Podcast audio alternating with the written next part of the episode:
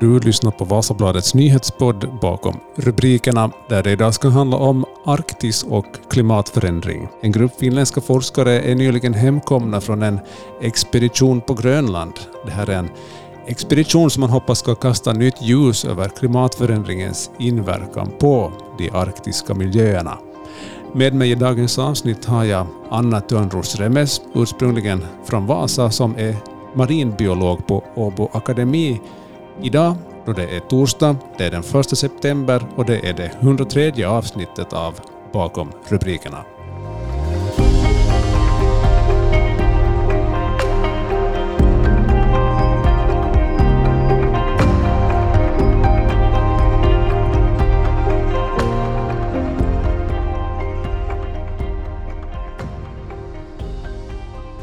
Anna Törnros Remes, du är på väg hem, ska vi säga, från en forskningsresa till Grönland. Ni var drygt 20 forskare ombord på forskningsfartyget RV Maria S. Mörjan som avgick från Reykjavik den 7 augusti. Ni kom tillbaka i måndags den här veckan. Skulle du Anna kunna så här inledningsvis för, för de som lyssnar ge en liten inblick i, i livet på ett forskningsfartyg? Vad gör man under alla de där veckorna som man befinner sig ombord? Ja, hörru, det är både mycket arbete och så är det mycket väntande. Speciellt när man, äh, speciellt när man när, som vi ähm, samsas om tiden att få ta prover.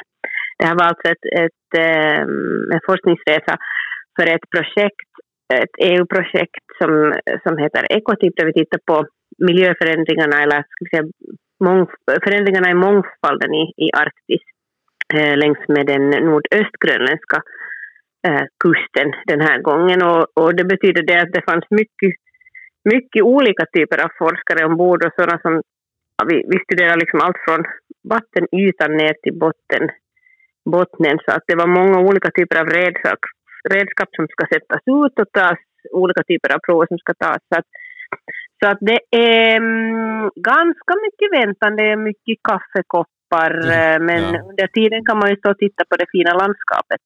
Ja, precis.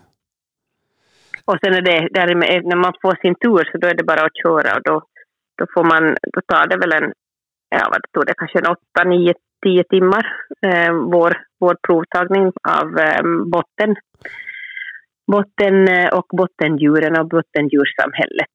Precis. Som är vår expertis. Ja, berätta lite mer ingående vad, vad det var som du och de forskare du reste med dit från Åbo Akademi, vad ni undersökte under resans gång.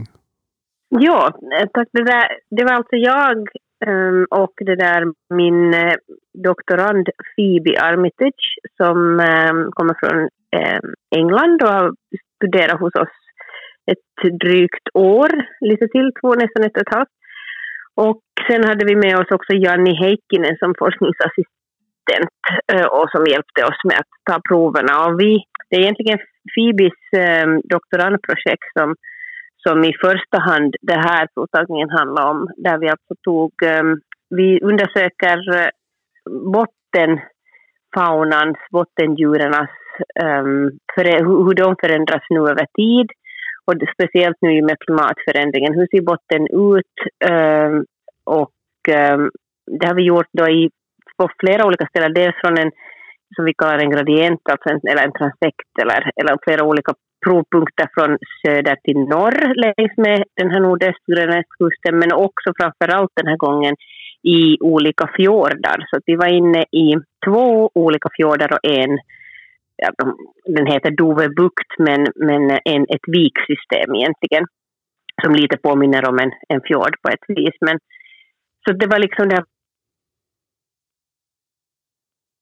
och eh, vi var faktiskt inne i två stycken fjordar som är otroligt lite studerade. Och sen då inne allra längst nord, eh, något som då alltså kallas Dovebukt. Och det har man inte, det är inte många fartyg som har kommit in i den, för att den har alltid brukat vara, trots att det har varit sommar på nordöstgrönland, så, så finns det fortfarande förstås mycket is.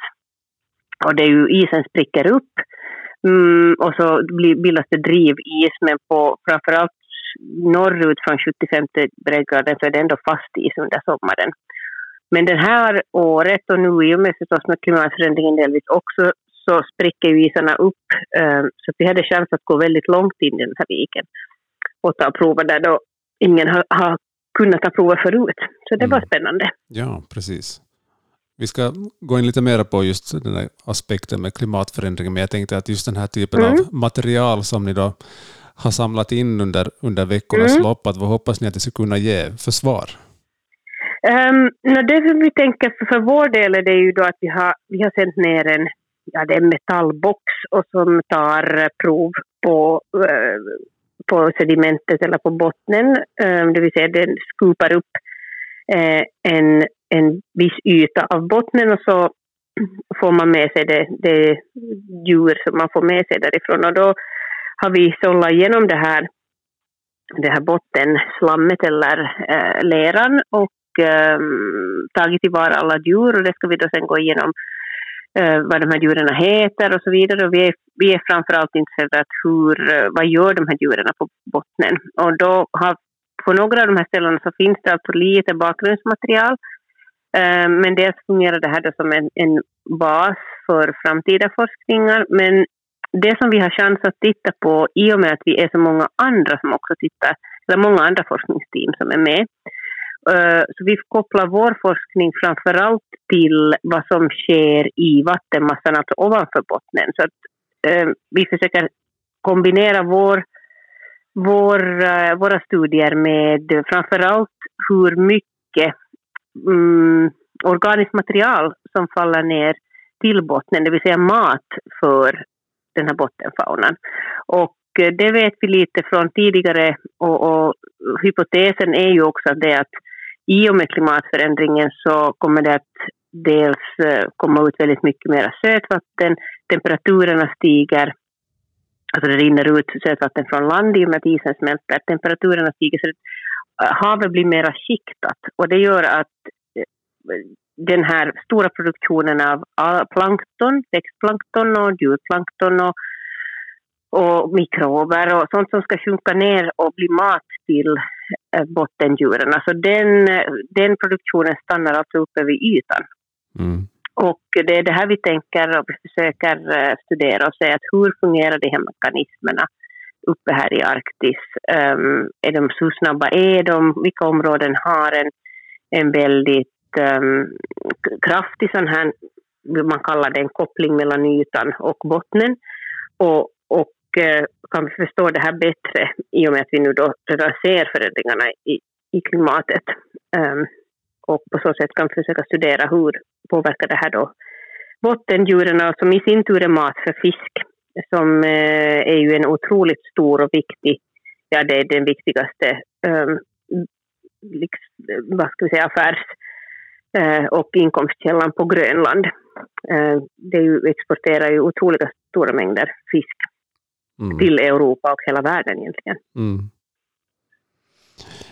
Jag kan tänka mig att det som du nämnde här, att äh, ni hade nu under den här forskningsresan då tillgång att åka in på ställen där, där ni inte haft möjlighet förut för att det har varit is mm. där och, det, och det, nu var det som möjligt att åka in där för att isen var så pass öppen att det, är som, det blir väldigt påtagligt den här uppvärmningen det, av Arktis på det viset. Det, absolut, absolut. Det, det, är, det är klart att det delvis spricker upp någon gång men det är svårt att tajma det där och det har, det ligger liksom, det har legat drivis hemskt mycket utanför de där områdena där vi har försökt gå in eller man har försökt gå in tidigare. Men det blir väldigt påtagligt. Och jag, skulle, jag, jag är inte expert nu på de här glaciärerna och sånt, men vi upplevde alla det att det är väldigt...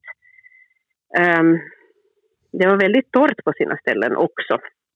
Ja. Uh, och det där, och vi, det som vi ser i, i våra biologiska undersökningar och dels också eh, oceanografiska undersökningar är ju att, att eh, att vi ser djur som inte, till exempel olika typer av fisk vet vi att, vi, att förekommer nu redan mycket högre upp norrut än vad, vi, än vad man tidigare har tänkt sig. Vissa planktondjur eh, hittar de också som, som man, man tänker, liksom, vi har förutspått att de kommer säkert att hittas i prover eh, längre norrut nu då, men att de hittar man liksom redan så att det sker otroligt snabbt den här förändringen. Mm. Så den blir väldigt påtaglig ja, när man är där uppe. Den, Arktis värms upp tror jag fyra gånger snabbare än resten av, av mm. jorden just nu. Så att det, det går snabbt. Ja, ja, precis. Det där var någonting som man kunde läsa om härom veckan tror jag, att just det här att mm. Arktis värms upp fyra gånger snabbare än resten av, av jordklotet. Mm. vad, vad får det som för, om du tänker på ditt forskningsområde, vad, vad finns det som för konsekvenser för, för de marina miljöerna att det, uppvärmningen är så snabb? Mm, delvis så får ju de arter som är eh, som, som alltså de arktiska arterna som är helt adapterade till väldigt kalla förhållanden och där det ska vara is och har en väldigt... Um, deras livscykel till exempel följer väldigt mycket den arktiska sommaren och vintern som ser lite annorlunda ut än, än jag menar den är kortare, eh, vintern är mer, mer intensiv och så vidare. Så att de arterna får ju väldigt svårt att klara sig och flyttar då alltså hela tiden norrut. Eh, men till slut så tar ju det här norrut slut så att säga. Och det börjar bli ganska lite, lite utrymme kvar där då. Och kan de inte eh, klara av varmare vatten till exempel eller eh, mera avrinning av sötvatten och på det sättet också mera näringsämnen delvis så, så, så försvinner de ju eller minskar i antal. Det är det som vi kommer att få se tyvärr. Eh, medan samtidigt så ser vi också en inflyttning av, av djur, fiskar, olika typer av arter från då alltså de södra breddgraderna, från våra breddgrader egentligen eh, norrut. Så det kommer också in, det är klart att det finns chans att det kommer in nya möjligheter för till exempel fisk, fiske på Grönland, att, att makrillen till exempel flyttar norrut nu och, och, eh, och till och med ja, det är många olika fiskarter som, som syns nu i, i grönländska vatten också som ger möjlighet till en ny typ av fiske. Men det, det är ju en väldig adaptering på en väldigt snabb tid som ska ske mm. nu. Och det, det är det som man, vi funderat hur, um, hur, vem klarar av det här och, och hur kommer det då att se ut, de här olika djursamhällena till exempel, och livsmiljöerna. Mm. Får det några följder för oss här? Mm, no, det, kan, det, gör, det får det väl i sin tur, framförallt i och med fisket eh, och, den fisk som sen då kan landa på våra mattallrikar. Ja. Eh, I och med att Grönland är en så stor export av, av olika typer av, av fisk och, och, och, och sådär. Så att det är väl framförallt där som det finns. Plus då förstås um, det att, att Grönlandsisen smälter så får ju kommer ju att få otroliga dramatiska effekter på hela jorden eh, mm. i och med att vattennivåer stiger och så vidare. Och det här med att den har ju skyddat och, och haven generellt absorberar ju hemskt mycket av den värme som kommer från solen men, men eh, eller den största delen, de egentligen det, havet är egentligen det största, det största eh, liksom sättet för oss, eller bästa sättet för oss att, att, eh, att reglera klimatet. Mm. Och nu börjar det komma till en sån nivå där, där eh, just, jag menar vattentemperaturen eh, stiger, och, eller havstemperaturen stiger och, och får mindre möjlighet att, att, det där, reglera klimatet. Så att det, här är ju, det är ju en, en service egentligen för oss människor också, som är väldigt viktig. Mm. Så att, ja. Det är lite, det är lite oroväckande, onekligen. Ja, Men det, det behöver ju alla förstått förstås. Mm. Men, Men med, med, med, vår forskning så hoppas vi att vi kan bidra till dels liksom förståelsen mellan uh, för vad som sker i haven, uh, rapportera tillbaka till um, de, det, på många olika sätt, delvis det grönländska samhället och um, EUs beslutsfattare, um, också de som skriver de här större rapporterna som till exempel då, den här IPBES, eh, den stora panelen som skriver, skriver rapporter om vad som sker med klimatet och också den, den som skriver om um, miljöförändringarna eller ska säga, förändringarna i biodiversiteten. Mm. Så att vi hoppas att vår forskning går in, eller hoppas, hoppas och hoppas vi försöker få in eh, våra resultat också så att de, det beaktas i de rapporterna. Ja. Så på det sättet kan vi försöka påverka och försöka pra, prata och medvetandegöra om de här förändringarna och, och också ta det till, till de finländska beslutsfattarna. Mm. Finland är ju också ett, ett land som, som eh, bevakar Arktis på ett speciellt sätt och, och tillhör det, är med på många av de här olika arktiska råden och, och, och, och diskuterar. Ja, precis. Jag har förstått att en av målsättningarna med den här forskningsresan ni gjorde var att studera också sådana kallade tipping points, alltså tröskeleffekter. Mm. Kan du berätta lite om mm. vad, vad, vad är det för någonting? Precis. Eh, när man, eh, det är lite, man kan ju tänka sig Östersjön också, där, om man tänker vad, vi har, vad, vad som har hänt i Östersjön över, över åren. Vi vet alla att eh, Östersjön lider av eh, övergödningen och eh, det tog ju en tid innan eh, vi kunde ju hälla ut så att säga, eller, eller släppa ut väldigt mycket eh, näringsämnen över en ganska lång tid förrän man då där på 80-talet började inse att nej men vänta nu, nu har vi nog pushat det här liksom systemet till att det är någonting helt annat. Och då börjar vi se de här effekterna av övergödningen. Och det, då kan man säga att, att det skedde en så kallad, eller eh, det kom till ett, ett tröskelvärde där man, man vi har liksom med människans olika sätt vi påverkar Östersjön pushar det till ett nytt system. Vi har nått en så kallad tipping point. Eh, och eh, det är det som eh, vi studerar också. Eller i och med klimatförändringen så tänker man sig att dels förändras då ehm, vattnets olika och, och havsströmmarna, alltså det oceanografiska och fysiska eh, miljön. Men vi tror också och, och um, försöker då studera de biologiska tröskeleffekterna och eh, tröskel... När, det är svårt förstås att säga när, när har, vi, har vi förändrat det här ekosystemet så mycket att det är någonting helt annat. Eh, men att det är det vi försöker, försöker studera nu i med det här projektet. När kan vi se den här Ser vi de här långtgående effekterna? Hur ser de här långtgående effekterna ut? Är de linjära? Eh, först ser det ofta så ut, men det, det behöver de inte heller vara, utan det kan kanske ha en annan form, eh, de här förändringarna över tid. Eh, och sen då eh, försöka förstå de här mekanismerna för när, när saker och ting börjar ske.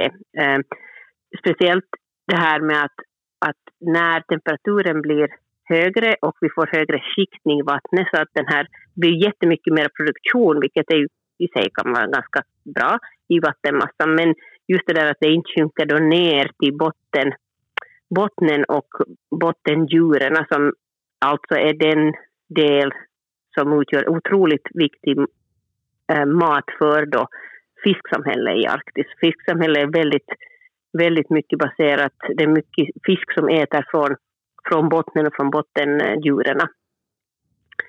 Eh, eh, så det är ett väldigt sånt drivet system. Så när vi försöker studera alltså då när har vi pushat det här så mycket att det här inte fungerar längre, den här, eh, den här kedjan så att säga. Så att oftast när man pratar om tipping points eller tröskeleffekter så får, pratar man också om en kaskadeffekt sen då.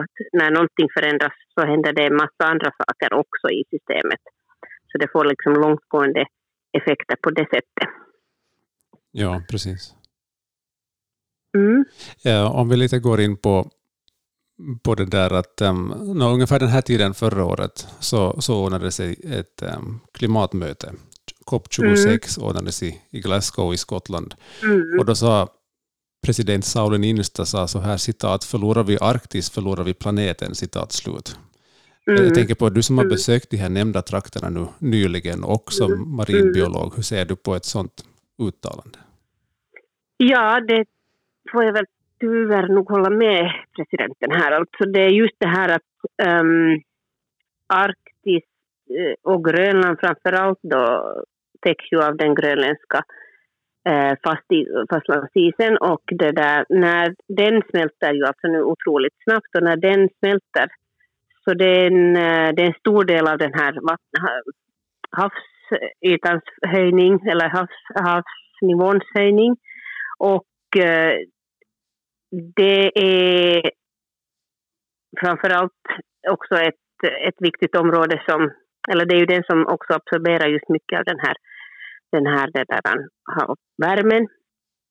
Och eh, det är Dels visste jag också att strömmarna förändras. De här stora, stora strömmar, havsströmmarna kommer att förändras i, och med att man, äh, den här sötvattnet rinner ut från, eller den här smält, isvatt, isen smälter och sötvattnet rinner ut i haven. Så det får sådana flera olika otroligt stora effekter som påverkas, påverkar liksom globalt sett. Så att han har nog rätt i det och, och det är det som också många av, eller flera av de här stora Eh, rapporterna då förstås varnar om. Um, så att, att um, ja, det är svåra, svåra konsekvenser av det här. Ja. Men vi har ju chans och vi, får ju, vi kan ju inte göra något annat än hoppas och försöka på alla sätt stävja den här klimatförändringen. Um, för att det blir väldigt, väldigt svårt för oss annars. Vi ser ju, vi ser ju redan konsekvenser av, av det så att säga. Och hela tiden ser vi mer och, och starkare konsekvenser. Jag menar, nu var det då i Europa har det varit, eller fortfarande är väldigt torrt. Alltså vi har den här torkan och så kan det variera, svänga väldigt mycket så att äh, man, det blir stora översvämningar till exempel. Så de här stora växelverkningarna är, är sånt som när vi har till exempel Grönlandsisen och de arktiska områdena täckta äh, vi har haven som fungerar som kan ta upp den här värmen från solen. Vi har eh, de stora regnskogarna. Så att de här är alla, alla olika pusselbitar som gör att, vi, att, att det inte blir så extremt det här klimatet som, som vi nu redan ser. Då. Mm. Ja, precis. Vi ska hoppas att den forskning som ni, ni har gjort i, där i Arktis också kan bidra till att öka förståelse för, för vilka konsekvenser det, ett uppvärmt klimat har för, för de miljöer som ni har studerat. Ja, vi, har, vi försöker på vårt allra bästa bidra med de pusselbitar vi kan. Mm. Tusen tack ska du ha för det här, Anna Törnros-Remes. Tack ska du ha. Tack.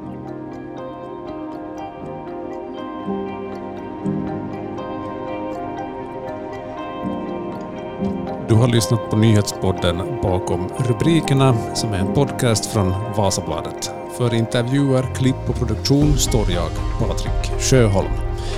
Kom ihåg att eh, du som lyssnar och inte är prenumerant på Vasabladet har möjlighet att prova på Vasabladet för en månad för endast en euro.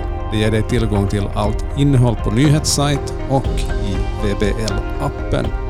Allt du behöver göra är att söka dig till vbl.fi podd. Där hittar du mera instruktioner om hur du ska göra och på samma sajt hittar du också alla artiklar som på något sätt relaterar till ämnen eller personer som vi tar upp här i bakom rubrikerna. Tusen tack för att du har lyssnat den här veckan och um, om du inte redan prenumererar, kom ihåg att den här podden den kan du prenumerera på på Spotify, Apple Podcasts och så finns det alla avsnitt också förstås på vasabaret.fi lyssna. Allt för den här veckan var detta. Vi hörs igen nästa vecka. Ha det gott tills dess.